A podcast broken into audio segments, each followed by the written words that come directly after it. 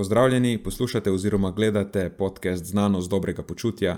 V tej epizodi komentarja bomo komentirali nedaven prispevek 24 ur inšpektorja o veganski prehrani.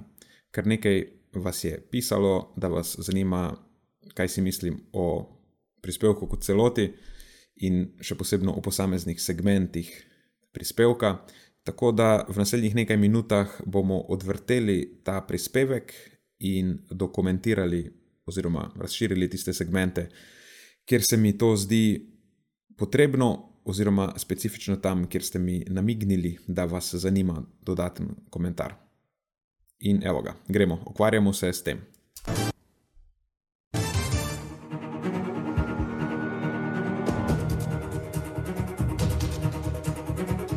Prehod na drugačno prehrano. Težek del je bil, se mi odreči sira.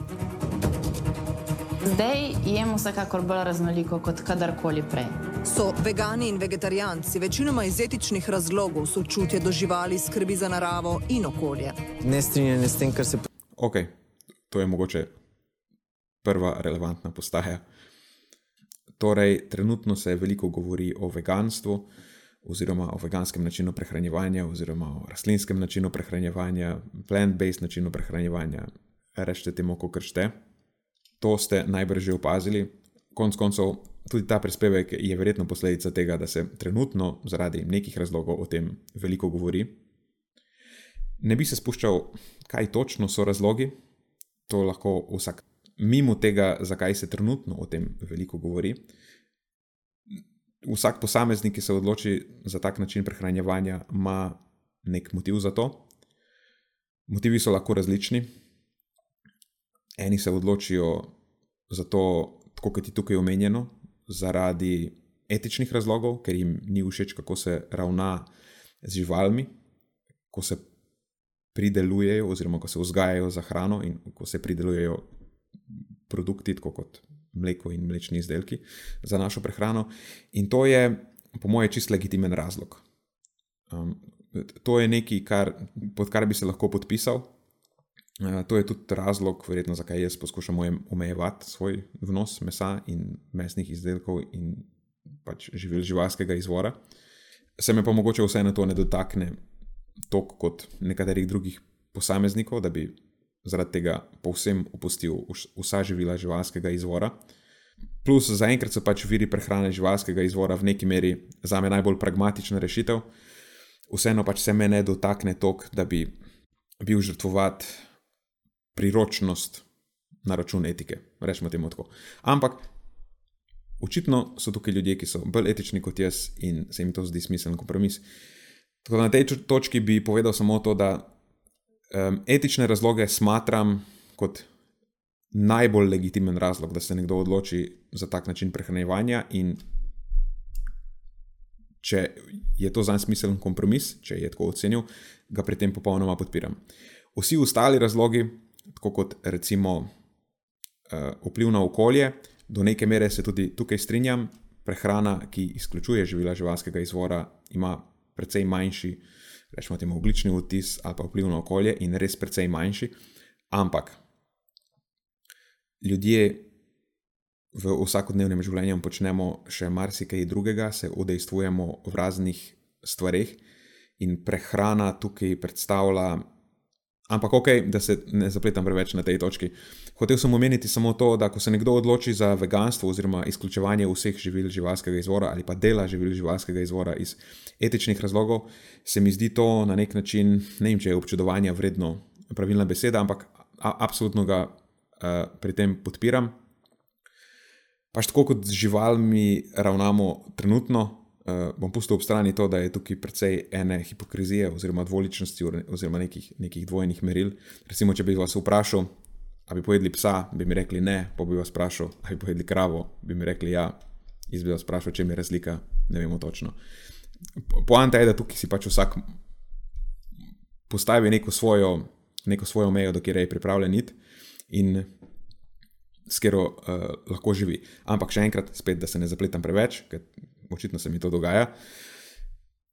Etični razlogi so, po moje, najbolj, mogoče celo, lahko bi bil celo edini ne bom šel tako daleč, edini, ampak najbolj legitimen razlog, da se nekdo odloči za tak način prehranjevanja.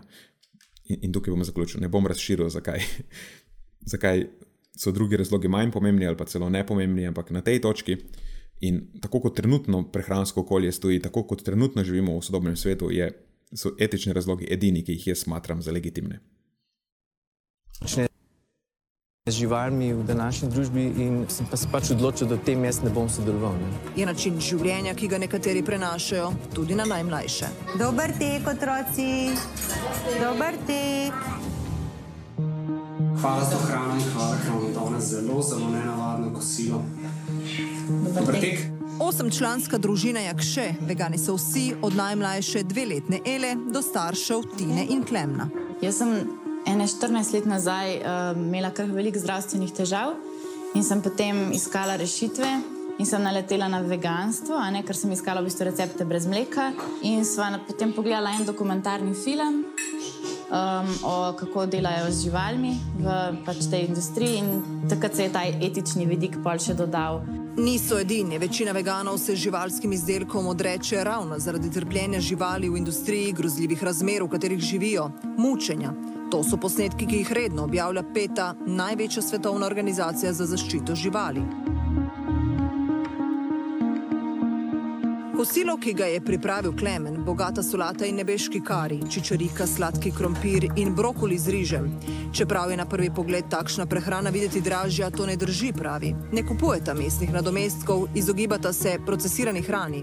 In če ustrajaš na osnovnih živilih in z njimi pripravljaš obroke, uh, si uh, primerljivo podobno ali pa celo cenejši. No. Tako kot pri vsaki stvari, začetek je težek in ko imamo v glavi še vse tiste stvari, skozi katerimi smo mi odraščali, tiste izjave, zakaj vse je pomembno uživati žival, živila, živila živalskega zvora. Najprej so se porajala vprašanja, kaj lahko sploh še jesta, ko iz prehrane izločita vse, kar je živalskega. Počasi sta odkrivala recepte, spoznavala nova živila. Oba sta se spominjata spremembe občutila k malu. Lahko so v telesu več energije, manj utrujenosti po obrokih. Vzemi toster. Kaj pa otroci, ki so ponavadi navdušeni nad sladoledi, čokolado, palačinkami?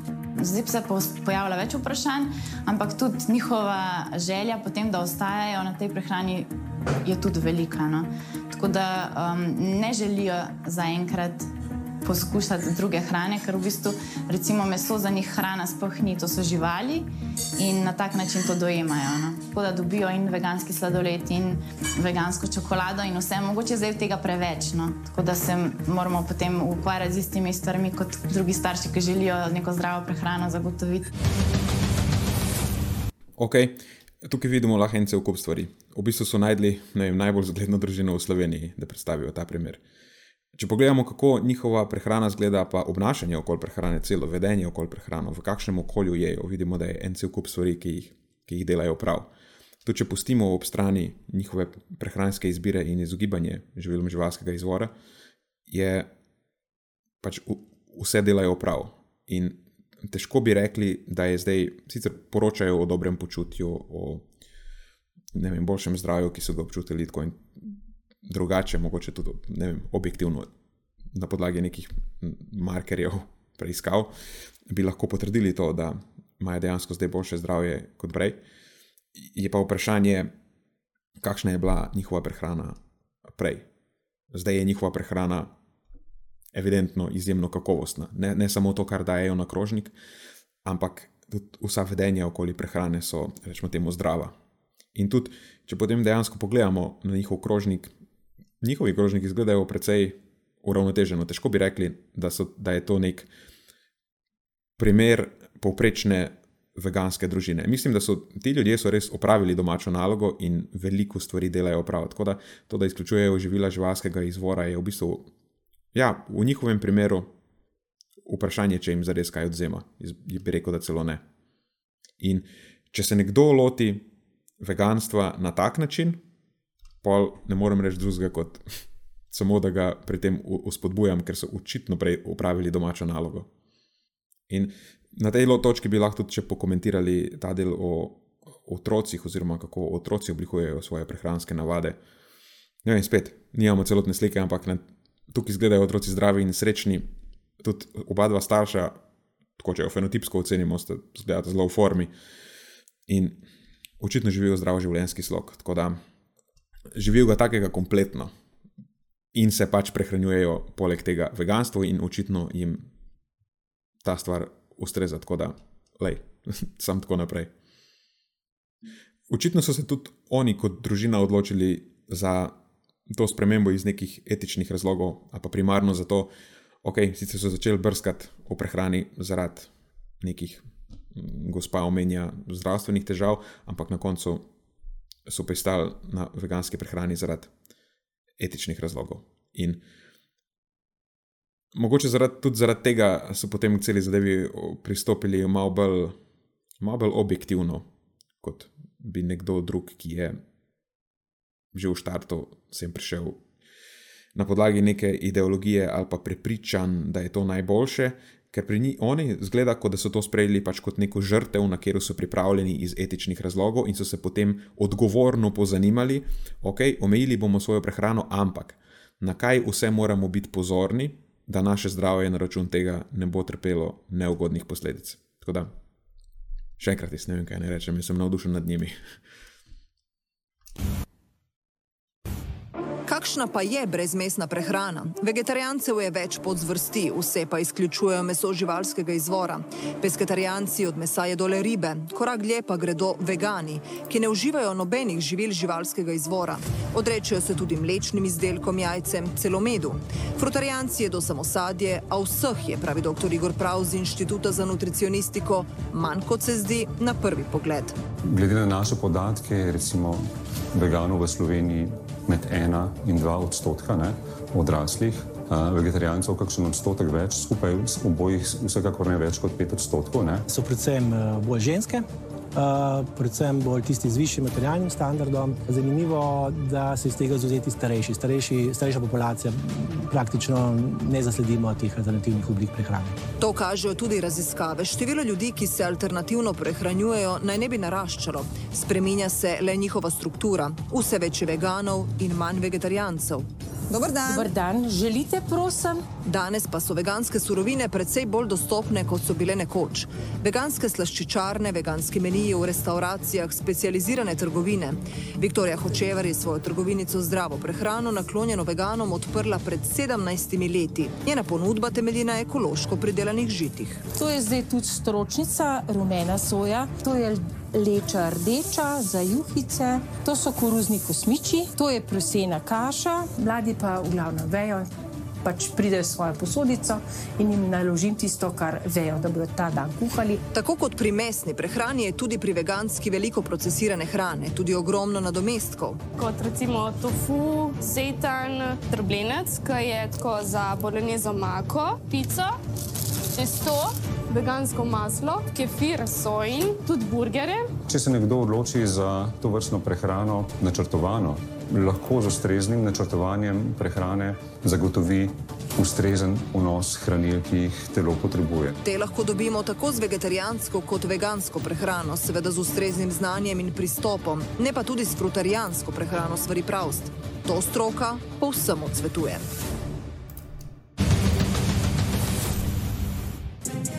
Ok, tukaj smo zdaj slišali par stvari. Prvo je starostna struktura oziroma delež vegetarijancev oziroma veganov v populaciji, ki je bojda zelo nizek, okoli enega odstotka. Ampak da je več veganov kot vegetarijancev. Prvo kot prvo, biti vegetarijanc ni, ni po mojem nič posebnega. To, to, da ne ješ mesa na ta račun, ne izgubljaš v bistvu nič, ker imaš na voljo še veliko drugih, povsem primerljivih, a pa celo bolj ugodnih in virov beljakovin in virov drugih hranil. Tako da to, da nekdo ne je mesa, v bistvu, ne vem, po mojem, sploh ne uvršča v neko, posebno, v neko posebno skupino. Je pa torej vedno več veganov, torej tudi ljudi, ki umejujejo še vse ostale eh, vire oziroma živila živalskega izvora. In ena, prva stvar, ki bi jo izpostavil, je ta, da pri starejših starostnih skupinah zaenkrat ni bilo veliko veganov. Vegani so predvsem mlajši, ampak ti mlajši bodo enkrat kasneje postali starostniki. In tukaj je potrebno biti pozoren. ko si mlajši, si lahko v prehrani privoščiš marsikaj. Tudi, rečemo temu, tvoja prebava je bistveno bolj učinkovita kot takrat, ko si starejši. Ko postaješ starejši, se tudi tvoje prehranske potrebe spremenijo. Recimo najbolj klasičen primer, specifično potrebe po beljakovinah so više, nekatera živila rastlinskega izvora, a pa sploh viri rastlinskih beljakovin, so nekoliko slabše prebavljivi, ne zelo slabše, ampak nekoliko slabše. Tudi v njih lahko primanjkuje določenih, sploh recimo specifične esencialne aminokisline v teh virih, in pri starejših lahko nastane problem, in zato morajo biti starejši še posebno pozorni, ko se lotijo take prehrane. Ne pravim, da ne gre, ampak morajo biti še bolj pozorni, kot morajo biti mlajši. In glede na to, da tudi na vse jedi prehrani starejši ljudje dosti krat ne uspejo pokriti, a pa rečemo temu, ne uspejo unesti neke optimalne količine beljakovin, na tej točki velja posvariti, da če se nekdo loti veganske prehrane ali pa začne izključevati vse vire beljakovin živalskega izvora iz prehrane in je tam nekje nad 50, nad 60, svetujem, da temu posveti še malo več uh, pozornosti. In zaenkrat v preteklosti to očitno ni bil večji problem, ker pač med starejšimi ni veliko veganov, ampak v prihodnosti se mi pa zdi, da bo to ena, ena subpopulacija, en torej ne tako zanemrljiv delež populacije, pri katerem bomo mogli biti pozorni. Prvo na vnos beljakovin, potem pa še najbrž na vnos katerih drugih hranil. Ampak v vsakem primeru, pol v nadaljevanju vidimo, da v bistvu nas tudi zato rabi manj in manj skrbeti, ker je vedno več dobrih alternativ na voljo. Tam omenjali so sicer predelane izdelke, ampak um, tofu, sojin drobljenec, recimo ne, sojin jogurt in take stvari so dobri viri beljakovin in to, ok, sicer po nekih klasifikacijah jim lahko rečemo, da so visoko predelana živila, ampak to so živila, ki so po kakovosti čist primerljiva, recimo s svežim mesom in takimi stvarmi, oziroma po učinkih na zdravje bi lahko rekli še celo, da so, da so bolj ugodne živila. Je pa potem spet res, to, kar smo slišali reči eh, dr. Pravosta, da tudi veganska prehrana je lahko nekakovostna, če temelji predvsem na predelanih živilih oziroma tistih alternativah, ki so prehransko neugodna. In takih je kar nekaj, tudi ona gospodična v trgovini jih je predstavila, recimo razni mastni namazi, razne margarine, veganski siri, ki niso niti malo podobni pravemu siru. Neke slabo formulirane veganske alternative, ki vsebujejo precej soli, precej, precej nasičenih maščob, tudi recimo veganski siri so zelo bogati viri nasičenih maščob. To pa je potem nekaj, kar lahko naredi vegansko prehrano v bistvu precej manj ugodno, če govorimo o vplivih na zdravje, kot bi bila neka vsejeda prehrana. Kljub temu, da je v taki prehrani manj mesa, pa manj nekih živalskih izdelkov, ki so načeloma povezani z neugodnimi izidi, še vseeno, samo to, da je nekdo vegan, če je vegan na račun veganskih klobasic, sira, mandar napolitank in ne vem, veganskega masla, potem si s tem najbrž ne dela nič kaj koristnega, oziroma težko, mislim, ne moremo reči, da je to zdaj bolj ugoden način prehrane za njega. Po drugi strani pa pol, če pre, pogledamo tisto družino, ki so jo pokazali na začetku, ki delajo vse prav, absolutno, potem pa bo to vsekakor bolj ugoden način prehranjevanja. Tako da tukaj, ja, vsak način prehrane je lahko bolj ali pa manj ugoden. Ne? In ja, obstaja nek, nek razpon, in tudi pri veganstvu je lahko zadeva zelo ugodna ali pa zelo neugodna. In če se lotiš takega načina prehranjevanja, potem moraš upraviti domačo nalogo, ne moreš delati tega na pamet.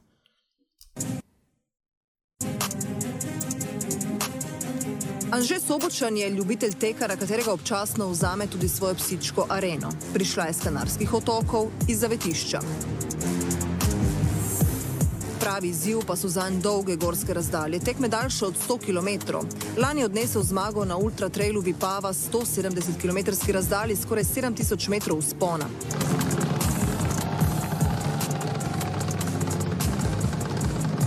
Kljub ekstremnemu športu na dan preteče do 25 km, se Anže prehranjuje vegansko. Najprej začel z vegetarijansko prehrano. Približno deset let trajalo, da sem na vegansko eh, prehrano šel, to pa zdaj že deset let. Ne mesu, ribam, mleku ali jajcem se ni bilo tako težko odreči kot siru, pravi.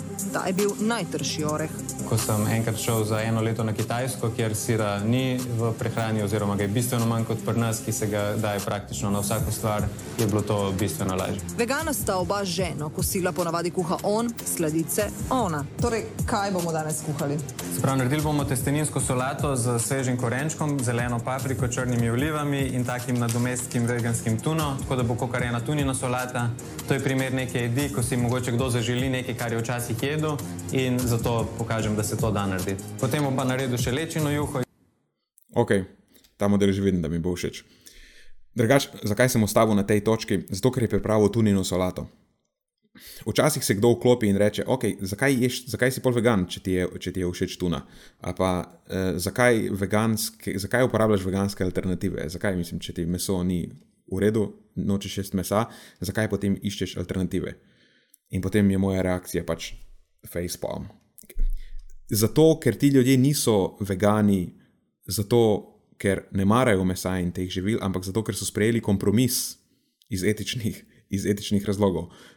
To, tako da to, da nekdo reproducira obroke, ki so mu bili prej všeč, pa jih zdaj ne more jesti z veganskimi alternativami, v bistvu ni noben protiargument, ampak v bistvu samo kaže na njegovo kreativnost in na visoko stopnjo motivacije, da kljub temu, da pogreša ta živila, je iz etičnih razlogov in za neke svoje vrednote pripravljen ustrajati uh, pri tem. Tako da, pač sam, prosim, ne biti bit kreteni, če nekdo hoče jesti veganske klobasce, pa tuno, pa ne vem, veganskega piščanca ali karkoli. Plus še ena stvar, te stvari so ponovadi precej okusne. Mislim, lahko rečete, da je to moje subjektivno mnenje na tej točki, ampak eh, kakorkoli, no, ok. Sem, zato sem hotel uh, ustaviti, preden se začne kdo zmrdovati, zakaj je tu noč, če je vegan. Ste oranžne leče, pa s sladkim krompirjem. Leča je tudi dober vir beljakovin, sladek krompir je pa tak kvaliteten oglikov hidrat. Sladek krompir v lupo. Jaz zdaj kot ultratekač predvsem moram paziti, da res dovolj pojem. Treba je paziti, da so razmerja beljakovin, oglikovih hidratov, maščob še vedno primerna, se pravi, tukaj je ta poudarek, da se, sigurno. Evo, sem rekel, da mi bo všeč. Mislim, vsaj do te točke. Evidentno je tudi on opravil domačo nalogo. Če pogledamo, kaj je na mizi, stvari so zelo barvaste, jaz bi to pojedel, zgleda dobro. In omenil je potrebo po beljakovinah, omenil je potrebo, povišeno potrebo po energiji, um, očitno zbira pretežno oglikove hidrate, pač pazi na svoj vnos makrohranil, da je primeren, da podpira njegov šport. Tako da še en primer, kako se dobro lotiti eh, veganstva. In glede na njegove rezultate, ne vem, ne vem če imate kak dober protiargument.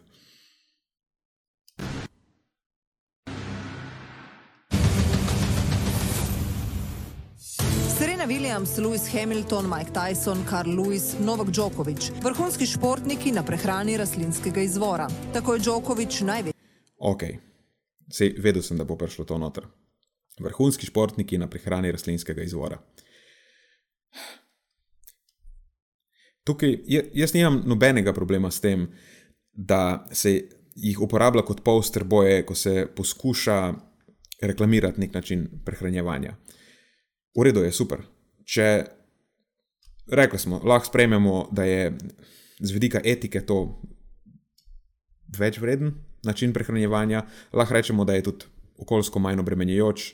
Um, da bi najbrž bilo koristno, če bi ljudje, rečemo, temu jedli manj mesa, da ne rečemo, da ga ne bi jedli nič, ali pa da bi bili vegani. Ampak recimo, da je to nekaj, kar potrebuje malo reklame. In ok, super, da se športniki angažirajo, angažirajo za, za ta namen. Kar me pa zmoti, je pa to, da se potem te športnike oglašuje kot športnike, ki so tako dobri zaradi takega načina prehrane kar v bistvu ne drži. Dost od teh športnikov, tudi marsikdo izmed naštetih, je bil najprej uspešen športnik in potem je postal vegan.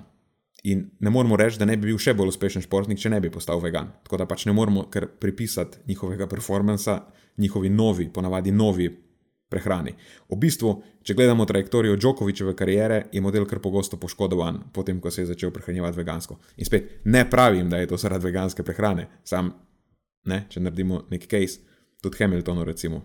Ne, v zadnjih sezonah ne gre, ne gre dobro. Sicer dvomim, da so Mercedesovi inženirji naredili slabo avto zaradi njegove veganske prehrane, ampak pustimo to ob strani. Kaj sem hotel reči, je to, da ja, ti, ljudje so bili najprej uspešni športniki in potem so postali vegani. Super, da so postali vegani, veliko njih iz etičnih razlogov. Eh, sam ne, ne govoriti, da so tako dobri zaradi veganske prehrane, pač tega ne moremo trditi. Ja, mogoče, ampak tega ne moremo trditi. Sploh pa ne za Mike Tysona. Mike Tyson ni bil vegan, ko je bil prvak. Mike Tyson je postal vegan pri 60-ih. Tako da vprašanje, če mu bo to kakorkoli koristilo. Ne? tudi ne Schwarzenegger in nekdo, ki se omenja kot zagovornik veganske prehrane. Čeprav ne vem, če to na tej točki več drži. Zadnjič sem ga videl na enem uh, Instagramu, da meša šejki sirotkinih beljakovin, tako da mogoče se je premislil, ampak nekoč je bil in je bilo, gledaj, kakšne mišice imam, ne, pa sem vegan, model. Ti si dobo mišice s steroidi in veliko količino zaužitega mesa in mlečnih izdelkov. Tako da, dajmo se pa, pač sam na tej točki ne ne sprenevedati. Meni se zdi super, da jim to podpirati. Kot pravim, super bi bilo, če bi ljudje pojedli manj mesa. Verjetno bi svetu tudi koristilo, če bi bil nek večji delež ljudi veganov, če se tega lotijo pametno, tako da ne ogrožajo svojega zdravja. Tako da jaz absolutno podpiram to, da se promovira tak način prehranjevanja.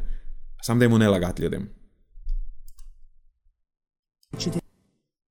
Nisač današnjega časa v enem od intervjujev razlagal, kako in kaj je. When I rise from the bed, I, I start with uh, warm water and lemon so I can help my body detoxify. Um, and then I, I would have uh, celery juice on an empty stomach. And then I would make a break, and then I would have my, my smoothie, um, green smoothie with different algae um, and, and, and different fruits and uh, superfoods. A za takšnim Djokovicevim jedilom? Mislim, mislim, ne vem, kaj naj spohaj na tej točki rečem. Zjutraj vstane in se razstruplja z toplo vodo in limonim sokom, in potem čez dan uživa smudije z, z algami in superživili. Ne vem. A, a resno, tako opišuješ svojo prehrano. Pijem zjutraj sok, da se detoksificiram iz limona in tople vode, in potem pijem sadne smutije in alge. To so najbolj ključni kriteriji, po, katerih definiraš svojo prehrano. Noč drugega ne ješ. O oh, moj bog. Mislim, se nad noletom sem obupal že nekaj časa nazaj, ampak. Ne vem. Ne vem se je najbrž bodo razširili zdaj v nadaljevanju to. A za takšnim Djokovicevim jedilnikom stoji vse strokovni tim, pojasnjuje dr. Vetran Hadžič, ki na fakulteti za šport predava o športni prehrani tudi te uh, smutije, šejke, kakorkoli pripravlja nek tim, ne, se pravi, ki zagotovi, da tudi imamo v bistvu pol uh, kompenziranje energije z energijsko gostimi živili, kot so različni oreščki in podobno, kjer v relativno mehni količini imate veliko kalorične vrednosti, ki jo lahko telo izkoristi. Več kot očitno je, da so tudi vegani lahko vrhunski športniki, a brez ustreznega znanja lahko zelo hitro pride do težav, opozarja Hadžič. Prehranjevati se živili rastlinskega izvora ne pomeni le z jedilnika izločiti meso, mleko, jajca. Treba je veliko več. Mi lahko tudi z rastlinskim prehranjem zagotovimo vse beljakovine, vendar je biološka razpoložljivost, naj se prav, kako smo sposobni prevzeti te beljakovine pri veganih, eh, pri rastlinski prehrani, v bistvu eh, manjša. Tako da vegan mora znati kombinirati različna živila, da vse aminokisline, ki so kritičnega pomena, lahko nadomesti. Če je temu tako, potem v bistvu je ta prehrana popolnoma lahko enakovredna, zahteva pa en večji, eh, bi rekel, prispevek posameznika. Pomembni so tudi vitamini, minerali, esencialne maščobe. Stročnice so odličen vir beljakovin, leča soja, fižol, čičerika. Na prvi pogled je videti preprosto, a potreben je čas, pravi tudi Anže Sobočan. Poslušati je treba. Okay, preden nadaljujemo, ja, tako kot rečeno. Djokovic najbrž sploh nima pojma, kaj je, ker mu drugi pripravljajo hrano in drugi najbrž skrbijo za večino tega, kar poje, ker ima nek tim. Sicer lahko bi se pogovarjali tudi o tem, kako strokoven je njegov tim in na podlagi kakih predpostavk operira, ker sem slišal govoriti ta njegov tim že marsikaj, ampak tako kot je v bistvu dr. Hadžič povedal, pač potrebno je zagotoviti potrebe po esencialnih eh, hranilih in zihar je poskrbljeno, da Djokovic to tudi naredi, on pa se potem lahko ukvarja z limoninimi toplimi limonadami in z super smodi in s čimerkoli drugim. Ampak poanta je, da pač je potrebno narediti domačo nalogo in če si športnik, je to domačo nalogo narediti še malo težje, kot če nisi športnik. Zdaj pa gremo naprej k temu modelu, ki mi je všeč.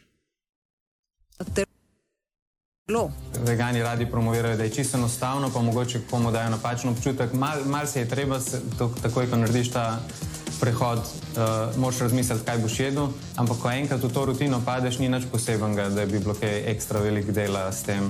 Uh, ne vem, koliko planiranja vnaprej. Jaz avtomatično vsak dan pomislim, kaj bo glavni vir beljakovin, ker še vedno je res, so beljakovine zelo pomembne. Vitamin B12 se denimo nahaja izključno v prehrani živalskega izvora, nastaja v prebavilih preživakovalcev med fermentacijo, pojasnjuje dr. Igor Praust. Zato ga ljudje, ki se prehranjujejo. Okay. Ja, tako kot reč, rečeno, model je očitno upravil domačo nalogo in zdaj mi je še bolj všeč, ker je rekel, pač, da je težko, mislim, te, težko. Teže je, bistveno teže je, če si omejuješ nabor živil iz. Uh, skupin živil, iz katerih izbiraš, ampak ni pa ne mogoče. In enkrat, ko se navadiš, ti postane neka nova rutina. Tako kot ko se navadiš na tako kot ta prehrana, ki jo imaš zdaj, je tvoja rutina in ti je zato lahka. Polk prešaltaš, ti je teže, zato ker na to nisi vajen. In enkrat, ko se navadiš, če si prej upravil domačo nalogo, načeloma je bistveno manj težje. Je pa težko na začetku. Um, in zdaj je bil izpostavljen vitamin B12 malo pomanjkljivo, sicer vitamin B12 ne nastaja samo v prebavilih prežvekovalcev, vitamin B12 sintetizirajo uh, mikroorganizmi, bakterije in arheje, uh, tudi v algah ga lahko najdemo. To so nekaj, kar pridobijo potem z simbiozo z temi mikroorganizmi, potem ribe, ko ga jejo, ko jejo te alge, v njih se skladišči vitamin B12. Tudi vse živali, tkiva vseh živali so vir vitamina B12, ker pač jejo te mikroorganizme oziroma te um, nižje organizme, ki vsebujejo B12 in se potem kopiči v njihovih jedrih. Tako da ribe, morski sadeži, tudi v jajca in mleko prehaja vitamin B12, tako da ni res, da nastaja samo v, pri, pri prežvekovalcih. Hranju jo izključno rastlinsko, morajo nujno dodajati v obliki kapsul. V nasprotnem so posledice lahko izjemno hude. V telesu imamo zalogo vitamina B12 za leto, dve.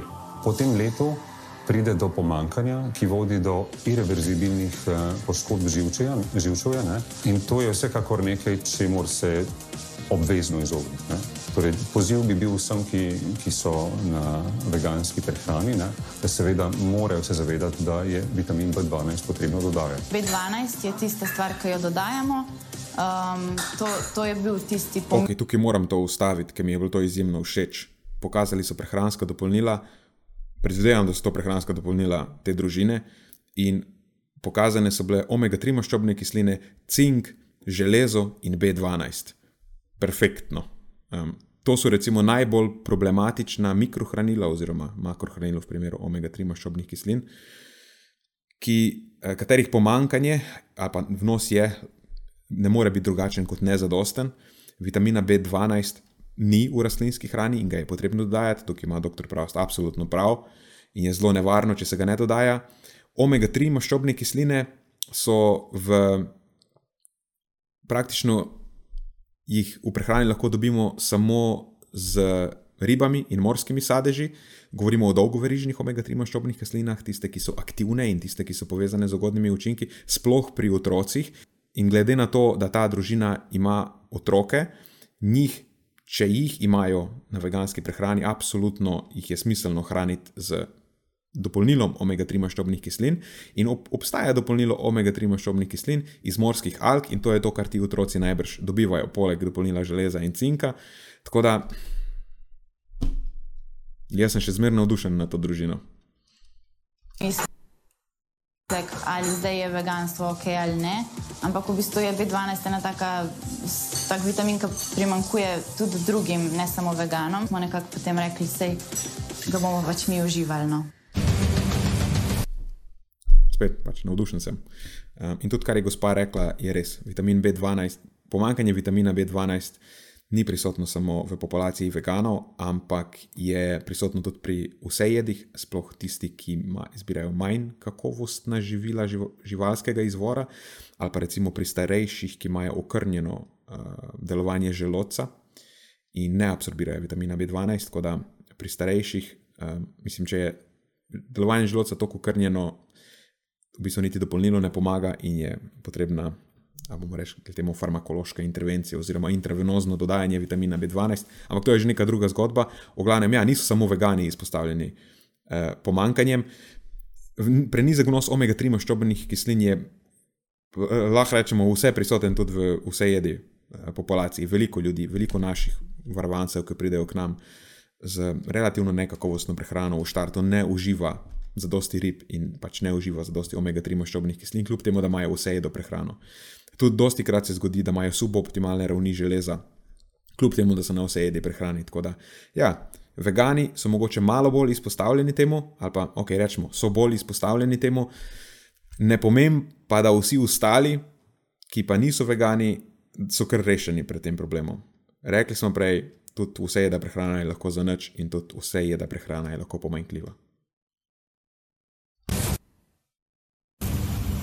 Tu so mesni ravioli. Torej, danes smo Ja, danes mesne. dvojno, ne? Dvojno, tukaj imamo pa vegetarijanske, so pa sirovi. Sirovo polivko smo pa danes naredili iz bešamela, smetano, pa sir smo dali zeleno solato, imamo pa z dodatkom leče. Leče, tudi beljakovina, ja. Ljubljanski vrtec Najdi Hojca je Uh, ja. Leča je beljakovina, samo ta količina leče, ki jo je dal gospod kuhar v solato, ne bo signifikanten vir beljakovin. Tako da tukaj na tej točki tudi ona omaka sirova z bešamelom. Vprašanje je, koliko ima beljakovin testenine. Um, no, tukaj pa, tukaj pa se meni prežge, da mu rečemo, oranžna lučka. Um, ko začnemo otroke v vrtcih hraniti tako. Ne pravim doma, ko so stvari nadzorovane, ok, ampak v vrtcih imajo že tako ali tako problem. Že na vse jedi prehrani je ta prehrana dosti krat zaradi raznih omejitev, nekaterim vrtcev, ampak tukaj je problem tudi delno sistemski. Že tako jih je težko ustrezno nahraniti. Če pa vrtcem omejimo še izbor živil, pa znamo imeti težavo. Tukaj sicer ta obrok zgleda relativno kakovosten, zna biti, da je celo bolj kakovosten, mm, tako nasplošno gledano, če pozabimo na beljakovine od unih mesnih raviolov oziroma karkoli so imeli. Um, vseeno pa me skrbi potem, kakšen je vnos beljakovin pri teh otrocih, ko so v vrtu. Ampak še vseeno v vrtu imajo ena ali pa dva obroka najbrž. Um, še zmer so potem doma pod kontrolo svojih staršev. Tako da tukaj na tej točki najbrž, če se nekdo svojega otroka v vrtu prehranjuje eh, vegansko oziroma vegetarijansko, bo najbrž mogel malo stisniti, ko je doma, pa poskrbeti za to, da dobi tisto, kar mu v vrtu zmanjka, doma. Tako da spet ni nemogoče, ampak u- če upoštevamo vse omejitve, za katere vem, da jih vzgojno-izobraževalnih zavodih imajo, bi rekel, da potem je spet na ta račun zadeva malo težja doma. edini javni vrtec z vegetarijanskimi oddelki. Skupno jih imajo že štiri. Vegetarijansko prehrano zdaj ponujajo tudi najmlajšim jasličnim otrokom od prvega do tretjega leta. Soncu svetlem lucari, sonce ljubo, zemlja draga, za dobrote vama hvala. Dober Ok, to je. Vse lahko rečem, da je, da, da, da je prikupno. Na začetku imajo nek ritual, da se za- zahvalijo za hrano, kar je v bistvu super. Super je, da se otroke uči, da morajo biti hvaležni za stvari, glede na to, koliko enih uh, entitled mladičev hodi trenutno okrog po svetu. Um, ampak ustavil sem se zato, ker mi je malo vse uh, smešno, da koliko ljudi se zmrduje, um, ko nekdo recimo pozmolo oče naš, preden začne jesti, ampak tukaj so pa zdaj imeli nek um, semi-poganski obred. Noč ne pravim, absolutno podpiram to, samo um, spet bi upozoril na dvojne standarde, ne? ker to je izgledalo meni kot neka molitev pred obrokom. In oboje je kul, cool. noč ne pravim, ampak ne, mogo sem ustaviti na tej točki. Minilo je že 24 let, odkar so dobili soglasje za izključno vegetarijansko prehrano in Alenka Krajnci tukaj od samih začetkov. Bilo je en cel kupenih um, um, pač dilem, kako bo, a ne, a bo, a ne. In, uh, veliko je bilo izobraževanj, kuhari so mogli na tečaje, sami so se mogli ogromno naučiti. Treba je res zelo skrbno temu pristopiti, sploh pa v otrocih. Je to pomembno, da je res uravnoteženo, da je gostota do, ne, dovolj, da je pač stročnic in leče, rdeče predvsem ne, in teh starih živil, ki so res bogata in z minerali in beljakovinami. Pri receptih so. Okay, tukaj spet neko to opevanje starih, vse je kul, cool, super. Leča je kakovostno živilo, spodbujam, da pojemo več leče, ampak staro živilo, bogato z. Leča ni bogata z beljakovinami, leča ni odličen vir beljakovin. Le, leča je ok vir beljakovin, če nimaš drugega. E, ni pa nek oh in sploh vir beljakovin. E, tako da bi spet sam želel, da je ok, super. Ne, če si vegan in imaš omejeno izbiro, potem absolutno bo leča zelo pomemben vir beljakovin v tvoji prehrani. Samo opevanje leče kot vir beljakovin, ki je ki je super in mogoče celo implicitno, kot je gospa povedala, tukaj bi se lahko predvidevalo, da je boljši vir beljakovin kot neka živila živalskega izvora. To, to ne drži. Se pa strinjam, da je leča kakovostno živilo, da bi večini koristilo, da poje več leče, kot je, kot je poje um, sedaj, in da je tudi ok vir beljakovin. Veliko Ko pomagali starši otrok, ki so pravi kuhar Bojan Ferjan, vegetarijansko hrano v vrtcih povzdignili na višjo raven, kako sestavljati raznolike in hranilno bogate jedilnike.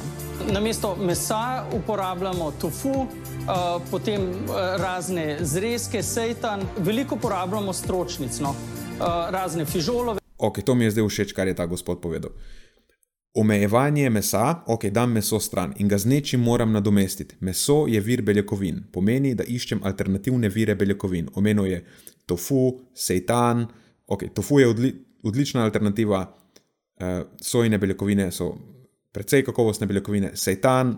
Tako, tako, ampak še zmeraj vir beljakovin, dobra alternativa. Omenuje stročnice, ja, če nimaš drugega, stročnice so lahko dobre, dobra, dobra alternativa. In Tukaj v tem vrtu tudi, um, kako koli mi neke malenkosti mogoče niso najbolj pogodne, ampak očitno so se izobrazili v tem, naredili so domačo nalogo. Gospa je prej omenila, da so kuhari šli na, tečaje, na neke tečaje, da jim starši pomagajo z recepti. Ne, meni se to zdi uh, kar uspodbudno, tako da zdaj mogoče celo bi malo spremenil tisto mnenje, ki sem ga imel odprej. Verjetno, če se vrtci potrudijo, so lahko taki brezmesni obroki celo bolj kakovostni kot mesni obroki v večini drugih vrtcev. Mogoče so v tem vrtu potem mes, mesni obroki še bolj idealni, prehransko gledano. Recimo imajo ve, ve, več beljakovin, ne, več železa, več B12, itd. itd. Ampak ti obroki izgledajo kakovostni in če potem doma starši upravijo domačo nalogo in da suplementirajo te svoje otroke z B12, da jih nahranijo z beljakovinami, pač tisto manjko, ki jo doživijo tukaj v vrtu, meni to zgleda precej dobro in ti otroci, bi rekel, da so na boljšem kot večina otrok, ki pač je v nekih vrtcih, kjer je prehrana kar neki in pol pridejo domov in spet jejo kar neki. Ker starš, ki pošle svojega otroka v vrtec in mu tam naroči vegansko prehrano ali pa vegetarijansko prehrano, verjetno tudi za svojo prehrano skrbi in so prehranski standardi pri njih doma relativno visoki. Tako da, ne vem, Verjetno je za večino teh otrok precej dobro poskrbljeno na splošno. Polpete delamo, bobove polpete, uporabljamo tudi eh, kvinojo, amarant. Marko Čenčur je že vrsto let vegan, prav tako vsa njegova družina. Nedilnikih vrtcev in osnovnih šol, kot pravi, že leta pogreša veganske jedilnike. Problem je, recimo, če je to tehnično možno, ne, to se razume, da vsi vrtci tega ne morejo pripraviti normalno. Ampak če pa to možnost imajo, bi bilo pa zelo dobrodošlo, da bi to možnost ponudili in da bi imeli starši uh, možnost uh, to izbiro imeti. A strokovne smernice so nedvoumne. Otroci bi morali jesti. Okay. Preden gremo na strokovne smernice. Um, tukaj, tukaj mi, Marko mi tukaj deluje izjemno umerjen. Moram reči, da me je pozitivno presenetil. Uh, ja, nič nesmiselnega ni rekel. In tudi namignuje, da očitno obstajajo neke ovire, ki jih vrci imajo. In če imajo možnost, da ponudijo uh, uravnotežen veganski ali pa vegetarijanski krožnik, potem bi bilo smiselno, da ga ponudijo. No? A pa da si, da si prizadevajo v tej smeri. Je pa očitno opaziti tudi on, da marsikater vrtec ali pa kjerkoli drug vzgojno-izobraževalni zavod ima težave pri um, dobavljanju ali pa vzpostavljanju nekega režima prehrane, ki bi bil že tako zadost kakovosten. Ne? Kaj, kaj še lepo, da ponuja neke alternativne oblike prehrane. Mešano pestro prehrano, ki vključuje vse skupine živil, pravi Matej Gregorič z Inštituta za javno zdravje. Vegetarijanska prehrana, ki vključuje jajca in mlečne izdelke, je še spremljiva, veganska pa nikakor.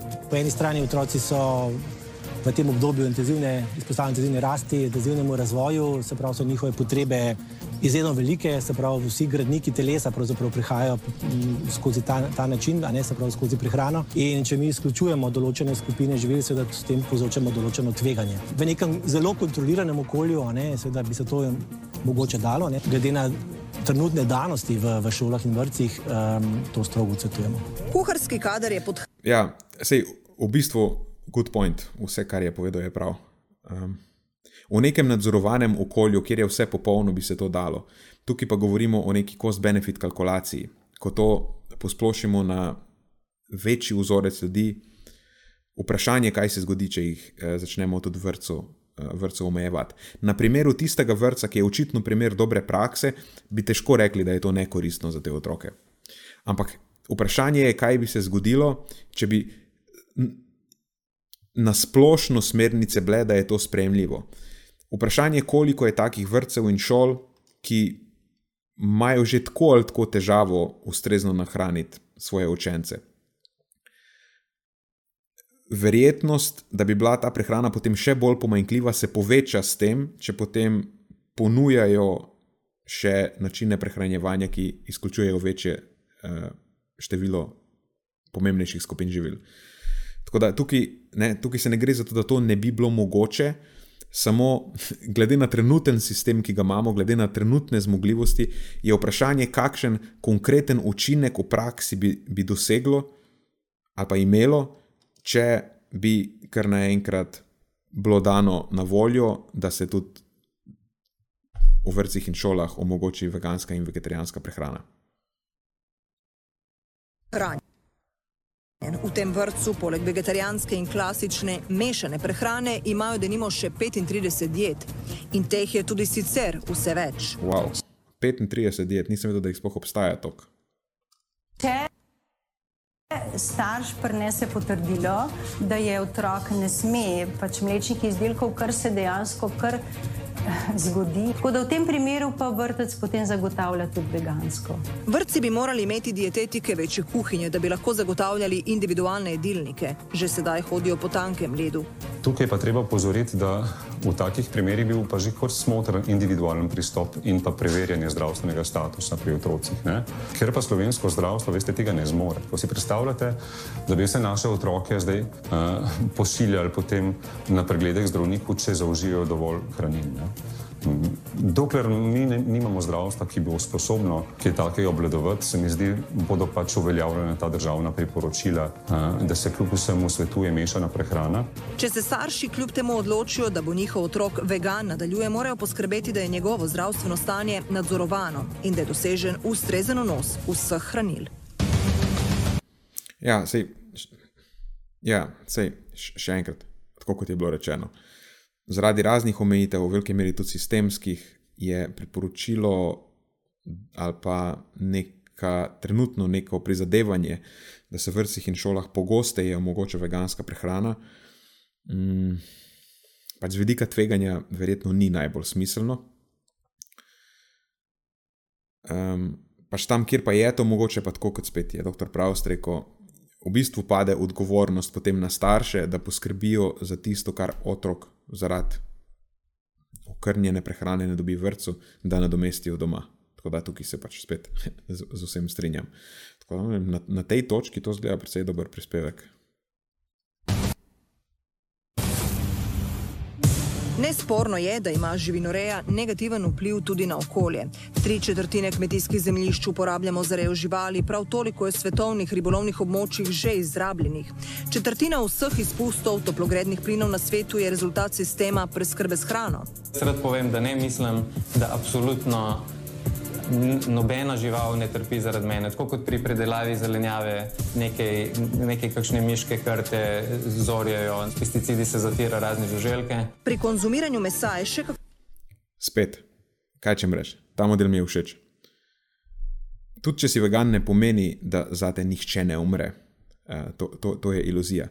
Je pa res, da s tem pač v okviru tega, kar je trenutno zmožno, verjetno tudi naj, najbolj zminimiziraš trpljenje, pa število smrti, ki ga tvoja prehrana, prehrana zahteva. V vsakem primeru bo prehrana, ki vključuje živila živalskega izvora, zahtevala več trpljenja in smrti. Sicer potem včasih kdo reče, ja, sam eh, za mojo kravo, jaz ubijem eno kravo, to je ena umrla krava, in nahrani lahko, ne vem, x ljudi. Ti pa, če hočeš vzgojiti eno šalico ali pa skledo sojnih semen, moraš za to obdelovati celo nivo, kjer pogine, ne vem, stotine miši in insektov in ne vem, če se še vse ne. Ja, ti moraš svojo kravo isto tako hraniti z nečim. In ponavadi, tudi če jo paseš, nekje vmes, ponavadi ne moreš sam past. Tudi če jo sam paseš, doskrat je treba travnik obdelati ampak tudi nikoli je skoraj sam ne paseš, ampak jo mor, moraš hraniti žita, sploh če kupuješ konvencionalno predelano meso in ta žita nekje morajo zrasti in ta krava bo porabila bistveno več žita kot eno posodco. Tako da v vsakem primeru, ja. Veganska prehrana ne pomeni, da nihče ne rabi umreti za tvojo hrano. Ta, ta model je očitno upravo domačo nalogo, zelo objektivno gleda na stvari. Ne pomeni, da ne bo rabo nihče umreti in trpeti za tvojo prehrano. Je pa res, da tako najbolj, kar se da, zminimiziraš trpljenje in smrti potrebne, potrebno za tvojo prehrano. To pa drži. In tako kot sem že rekel na začetku, zato se mi zdi tudi um, etični motiv oziroma etičen razlog najbolj ali pa celo edini legitimen razlog, da se nekdo odloči za tak način prehrane. Bi pa naslovil še eno prvo stvar, da ima, ja, prehrana ima nek oglični odtis, ima nek vpliv na okolje, ampak uživanje mesa sicer pojasni velik delež um, variabilnosti v vplivu na okolje, uh, ko govorimo o prehrani, ampak vpliv naše prehrane na okolje je odvisen še od marsičesa drugega, ne samo od tega, koliko mesa pojemo ampak tudi koliko pakiranih izdelkov, recimo, pojemo, koliko predelanih izdelkov pojemo. Predelani izdelki so vsi precej obremenjujoči za okolje. E, veganski sicer malenkost manj, oni pač navadni, ki smo jih pa vajeni, pa imajo precej visok um, ogličen odtis, recimo kakšne sladkarije, slani pregriski in take stvari tudi. Pol, pol pa še, kar je še pomembnejše, če jemo zunaj. Eno brok v restavraciji, lahko je zaradi mene veganski, kot če biti, bo verjetno imel bistveno višji oglični vtis in bo večje breme za okolje in bo um, večja poraba resursov, kot če si doma naredim zrezek. Še ena stvar je odvržena hrana. Dokler je odstotek odvržene hrane tolikšen, kot je do sedaj, se je brezpredmetno ukvarjati s tem, kako me vsakdo poje, če pol hrane zavržemo. Tudi mislim, da so to vse stvari, ki jih je po, potrebno vzeti v obzir, kar se tiče vpliva na okolje. E, predtem, ko bomo znižali konzum, konzumacijo mesa iz 200 na 100 gramov, ker teh 100 gramov ne bo ničesar bistveno spremenilo, če potem na mesto teh 100 gramov mesa grem v vegansko restauracijo ven jesti, pa kupim kak še kaj pakiranega zraven. E, pa pol, ne vem, še par veganskih stvari zavržem. Naslednja stvar je pa ta, da tudi druge stvari so. Koliko energije porabiš čez dan, kakšna so tvoje prevozna sredstva. Ne? In zdaj nekako prišli smo na to točko, ko bo meni v krožni gledal nekdo, če pojem 200 ali pa 100 gramov mesa, po drugi strani se bo popelo na Dunaj na tortico s falkonom ne vem, ne vem če si glih uh, poklican potem, da mi gledaš v krožnik. Un, ki hoče karkoli drugim omejevati, mora biti sam najprej, najprej nek zgled, pa se pa lahko pogovarjamo. Ampak ok, da, da se ne zapletem.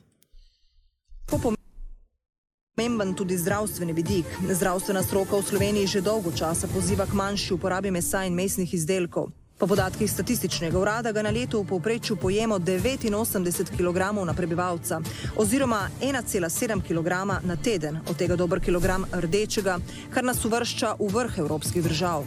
Količine približno 300 gramov na teden ne, že predstavljajo neko tveganje, medtem ko 500 gramov na, na teden pa predstavlja že kar precejšnje tveganje. To ne pomeni popolnoma se odreči.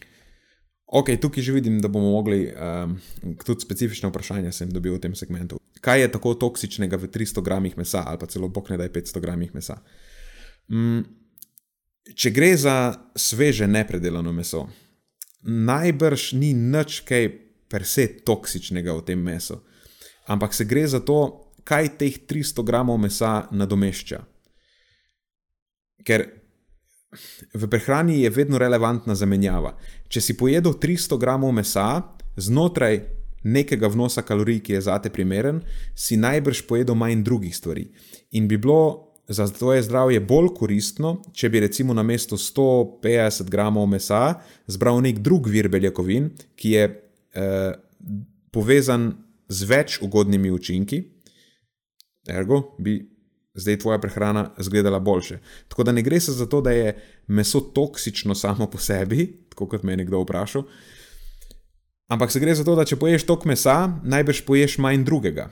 Ne? Recimo, bolj idealna bi bila prehrana, ki ima znotraj nekih danih kalorij, rečemo temu, da gre za moškega, za katerega priporočamo 2500 kalorij.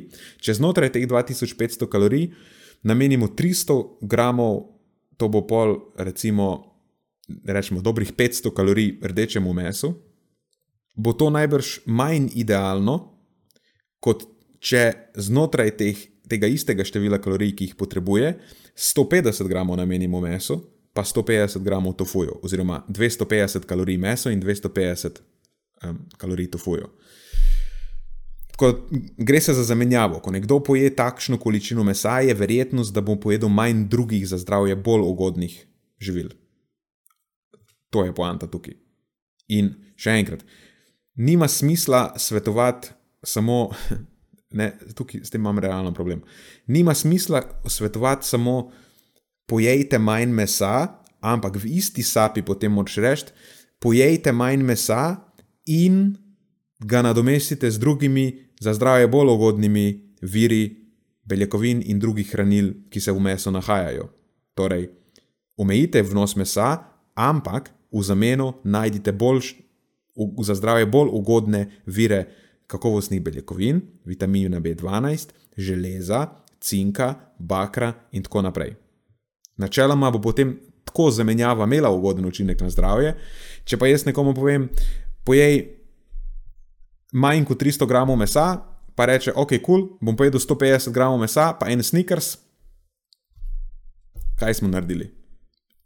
sicer je res, da bo je manj kot 300 gramov mesa zdaj, ampak 150 gramov mesa pa sneakers, jaz ne verjamem, da je boljše kot 300 gramov nekega relativno kakovostnega mesa. Pač ni. Dokazi kažejo, da ni. Tako da tukaj, kar se tiče teh javno-zdravstvenih priporočil, mislim, da bi se dalo še kaj. Eh, mislim, da je še prostora za izboljšanje. Govorimo vedno o zamenjavah, s čim nadomestiš. Ni za dost sam reči, pojejte manj, ker ok, kaj bomo pa potem na mesto tega. Ja. Mesu in mesnim izdelkom le zmanjšati ga na štirikrat do petkrat tedensko. Glede na podatke, koliko mesa slovenci pojemo, ne, je predvsej prostora za izboljšave, da ga pojemo manj, lahko tudi pol manj, pa bomo imeli vnos beljakovin še vedno primeren. In če bomo to nadomeščali, recimo s sadjem, zelenjavo, predvsem, ne, je to neka vrsta win-win situacija. Kako se bomo prehranjevali? Od... Ok. Pač s tem se spet ne morem strinjati zaradi že prej rečenega. Če bomo pojedli pol manj mesa, brez da bi spremenili karkoli drugega, bomo imeli za pol manjši vnos beljakovin. Mislim, karikiram, ampak za večino ljudi v praksi, če gledam, naših varovancev, ki pridejo v kram z relativno, rečemo temu, nekakovostno prehrano, ali pa neko povprečno prehrano, pre, eh, povprečno prehrano sodobnjaka, je dostkrat meso edini signifikanten vir beljakovin v njihovi prehrani. In tudi ne vem, če bi se glih strinjal, da že tako ali tako ljudje pojejo dovolj beljakovin. Lahko bi debatirali o tem, kaj dovolj pomeni, mogoče, če je to spodnja meja sprejemljivega, potem pojejo malo več kot to. Ampak dovolj ni enako idealna količina beljakovin. Tudi govorimo o različnih podpopulacijah, različne po, različni subseti oziroma različne podskupine populacije imajo različne potrebe po beljakovinah. In tisto, kar je spodnja meja za nekega povprečnega sedečega odraslega človeka, in tisto, kar ima najbrž tukaj dr. Pravst v mislih, ko pravi zadost, ni zadost za starostnika in ni zadost za kronično bolno osebo in ni zadost najbrž še za koga drugega. In zdaj, če vse te podskupine seštejemo, ker naenkrat ne dobimo več nekih marginalnih skupin, ampak v bistvu dobimo večino populacije najbrž. Tako da ta neka splošna priporočila so ok, štart, ampak jaz glih si ne bi upal tako vse splošnih priporočil dajati, ker so lahko narobe razumljena in potem tudi v prakso prevedena z, z, z škodljivimi učinki. Ne. In če imamo nekoga, katerega večinski delež beljakovin predstavlja meso, potem mu enostavno ne moremo reči, pač pojej pol manj mesa in bo še zmeraj vse kul. Cool. Ne bo vse kul, cool, ker bo pojedel premalo beljakovin. Ali pa jih bo pojedel manj, kot bi bilo za njih idealno. Ja, v sodobnem svetu najbrž noben si ne bo predelal pomankanja, pomankanja beljakovin, ampak um, še zmeraj prenizek vnos beljakovin je povezan z manj ugodnimi izidi na, na različnih področjih. Tako da tukaj spet bi jaz svetoval malo več, malo več um, pazljivosti, kako se ti na sveti podajo. Ne moreš reči, pojej manj mesa, pa da ima več sadja in zelenjave. Ok, kaj, jabolk. Pač jabolko ni dobra zamenjava, ni primerljiva zamenjava. Če nekomu poveš, pojej manj mesa, potem mu moraš povedati, ok, to količino, za katero si meso zmanjšal, zdaj moraš nadomestiti ta hranila iz te količine mesa z drugimi alternativami in moraš predlagati alternative. Dobre alternative za meso so tofu, seitan, ok, seitan, lahko debatiramo, lahko, recimo, če se navežem nazaj na tisti prispevek iz vrca. Lahko so stročnice, lahko so dobro formulirani eh, nadomestki eh, mesa, tako kot recimo vem, razni zrezki, pleskavice, veganske itd., itd. Če so dobro formulirani, idealno, če imajo nižji delež maščob, če so jim dodana hranila, ki so recimo tudi v mesu, vitamin B12, železo se zdaj že dodaja tem izdelkom, in potem tisto, kar še manjka, dosuplementiraj. Dodaj vitamin B12 v obliki prehranskega dopolnila, dodaj, um, če ne boš jedel rib, omega-3 maščobene kisline, cink, baker, itd. itd. To je, to je odgovoren javno zdravstveni nasvet. Reč, da pa pojej manj mesa, pa pojej več jabolk, pa hrušk, pa brokolija, nisem glih ziger. No? Tudi nisem ziger, da bo to na koncu win-win situacija. Um, v grobem, okay, da ne izpadem preveč kritičen, v grobem se sicer strinjam, pojemo več mesa, kot je povezano z najbolj ugodnimi izidi, in bi za večino koristilo, da znižajo vnos mesa. Jaz absolutno pri, podpiram prizadevanja, da se zniža konzumacija mesa, ampak hkrati podpiram tudi, da se potem to meso nadomesti z dobrimi alternativami, ne s sadjem in zelenjavo. Tako da um, nisem želel biti preveč kritičen, to je bila konstruktivna kritika, rečemo temu odločitev vsakega posameznika. Dejstvo pa je, da bi vsi morali imeti znanje, kako sestaviti ustrezen in zdrav krožnik.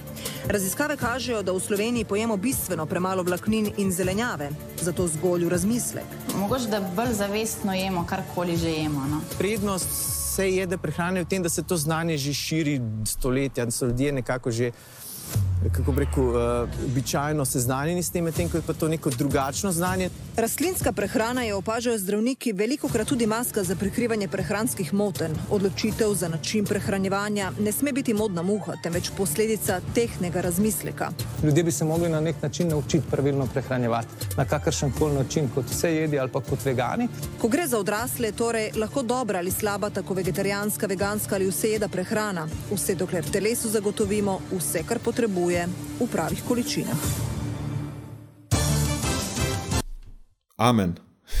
ne vem, kaj naj sploh drugega rečem. Še. Uh, spet, na koncu, še enkrat, jaz sem presenečen nad, nad Čenčurjem, izjemno umerjen tukaj, pravzaprav strinjam se z vsem, kar je povedal. Tudi zelo dober point. Veganstvo je danes teže zato, ker nima tradicije pri nas. Ne znamo, uh, okay, kaj nadomestim s čim, kaj je dober vir česa. Enostavno nimamo, nimamo te tradicije in vsak, ki začne z veganstvom, mora zač začeti znova svojo tradicijo vzpostaviti. Znova se mora vse stvari naučiti. Pri vsej jedi prehrani je to nekaj, kar se prenasa, prenaša že iz uh, roda v rod. To, to so neke veščine, ki delno, načeloma, ok, se tudi to izumira počasi, ampak vsaj del tega prinesemo s sabo od prejšnjih generacij. Dočim veganstvo tega nima in se moraš vse naučiti um, znova. Še zmeraj pa to ne pomeni, da se ne da, sam več, več truda je, je potrebno. In potem še en dober point je ta, da vsaka prehrana je lahko primerna ali pa neprimerna. Telo nima potrebe po nekem specifičnem načinu prehranjevanja. Telo ima potrebo po esencialnih hranilih in mikrohranilih, in dokler te zadeve uspeš zagotoviti, je čist vseeno, a se prehranjuješ vegansko, a se prehranjuješ um, vse jedo, a se prehranjuješ po tej dieti ali po uni dieti. Edina dieta, s katero ne moreš vsega tega zadovoljiti, je karnivor dieta, kjer ne ješ nobenih živil rastlinskega izvora. Uh, tam pa jaz težko verjamem, tudi, da bi s prehranskimi dopolnili lahko vse te luknje zakrpo. Ampak mogoče se pomotim. Še enkrat, poanta je, telo nima potrebe po dieti, telo ima potrebe po hranilih, pa mikrohranilih. In uh, vse lahko gre skozi, dokler prej narediš domačo nalogo, dokler se izobraziš o tem, kako potrebe po teh hranilih in mikrohranilih um, pokrit. Pol pa kakšen specifičen način prehrane pa ti izbereš, je pa v bistvu stvar tvojih vrednot. Če um, iz nekih etičnih razlogov si lahko vegan, če ti to ni blizu, si lahko vse jed, če ne vem, moliš, kaj je že v indijski bog, Hare Krišna, pol ne ješ rib, pa ne vem, mlečnih izdelkov, ali kaj še ne jejo, pa mesa. Če moliš k nekemu drugemu bogu, pol ne ješ um, svinskega mesa, pol whatever. Ampak na koncu moš pokriti samo potrebe po hranilih in makrohranilih. Tako da, kaj če mreš, ta prispevek generalno s par pomanjkljivostmi, pa mogoče s par dopolnili, je čist soliden prispevek. Jaz bi mu dal 6 od 7. 6 od 7. Dal bo ven unega Džokoviča in te stvari, to je, bilo, to je bilo nepotrebno. In pa tukaj na koncu bi malo razširil mm, to omejevanje mesa. Um, pač, če omejujemo meso, je potrebno ponuditi tudi dobre alternative. In uh, to je to, ja. kar se pa tiče veščin v prehrani in kako se naučiti, kakšna prehrana je primerna za vas. Lej, zato smo pa mi tukaj. Lahko imate naš mojster prehrane. Je, mojster prehrane je v bistvu točno to. Naučimo vas, ne glede na to, kakšna je vaša prehrana, kako, glede na vaše cilje, potrebe, zastaviti želje, zastaviti prehranski načrt, ki bo maksimalno podpiral vaše zdravje in ki, ki vam bo uh, maksimalno olajšal vaše zadeve in ki, bo, ki bo v skladu z vašimi vrednotami in v uh, skladu s časom in voljo, ki ga imate, namenjen prehrani in, in vse to. To je v bistvu naš, in naš coaching program ena na ena in naš program Mojster prehrane. Tako da. Um, To je tudi nekaj, kar je očitno sponzor te epizode zdaj postalo. V bistvu um, lahko postanete sponzor teh epizod, podcasta Znanost dobrega počutja, tudi tako, da se pridružite naši članski skupini na Patreonu in nas uh, podprete s tem. Vsi prispevki, ki jih zberemo z unega naslova, grejo za v bistvu v produkcijo, v produkcijo tega. Um, tako da še enkrat, trenutno smo v nabavi nove kamere, bom hvaležen za, za vsak evro, ki pride iz tistega naslova. In pa ja, podpirate nas tudi tako, da, da, spremljate, da spremljate naše profile, da nas pokličete, če rabite pomoč v zvezi s prehrano. Tako da še enkrat, Hvala za poslušanje in uh, se slišimo naslednjič, vidimo naslednjič, do takrat pa ostanite premišljeni.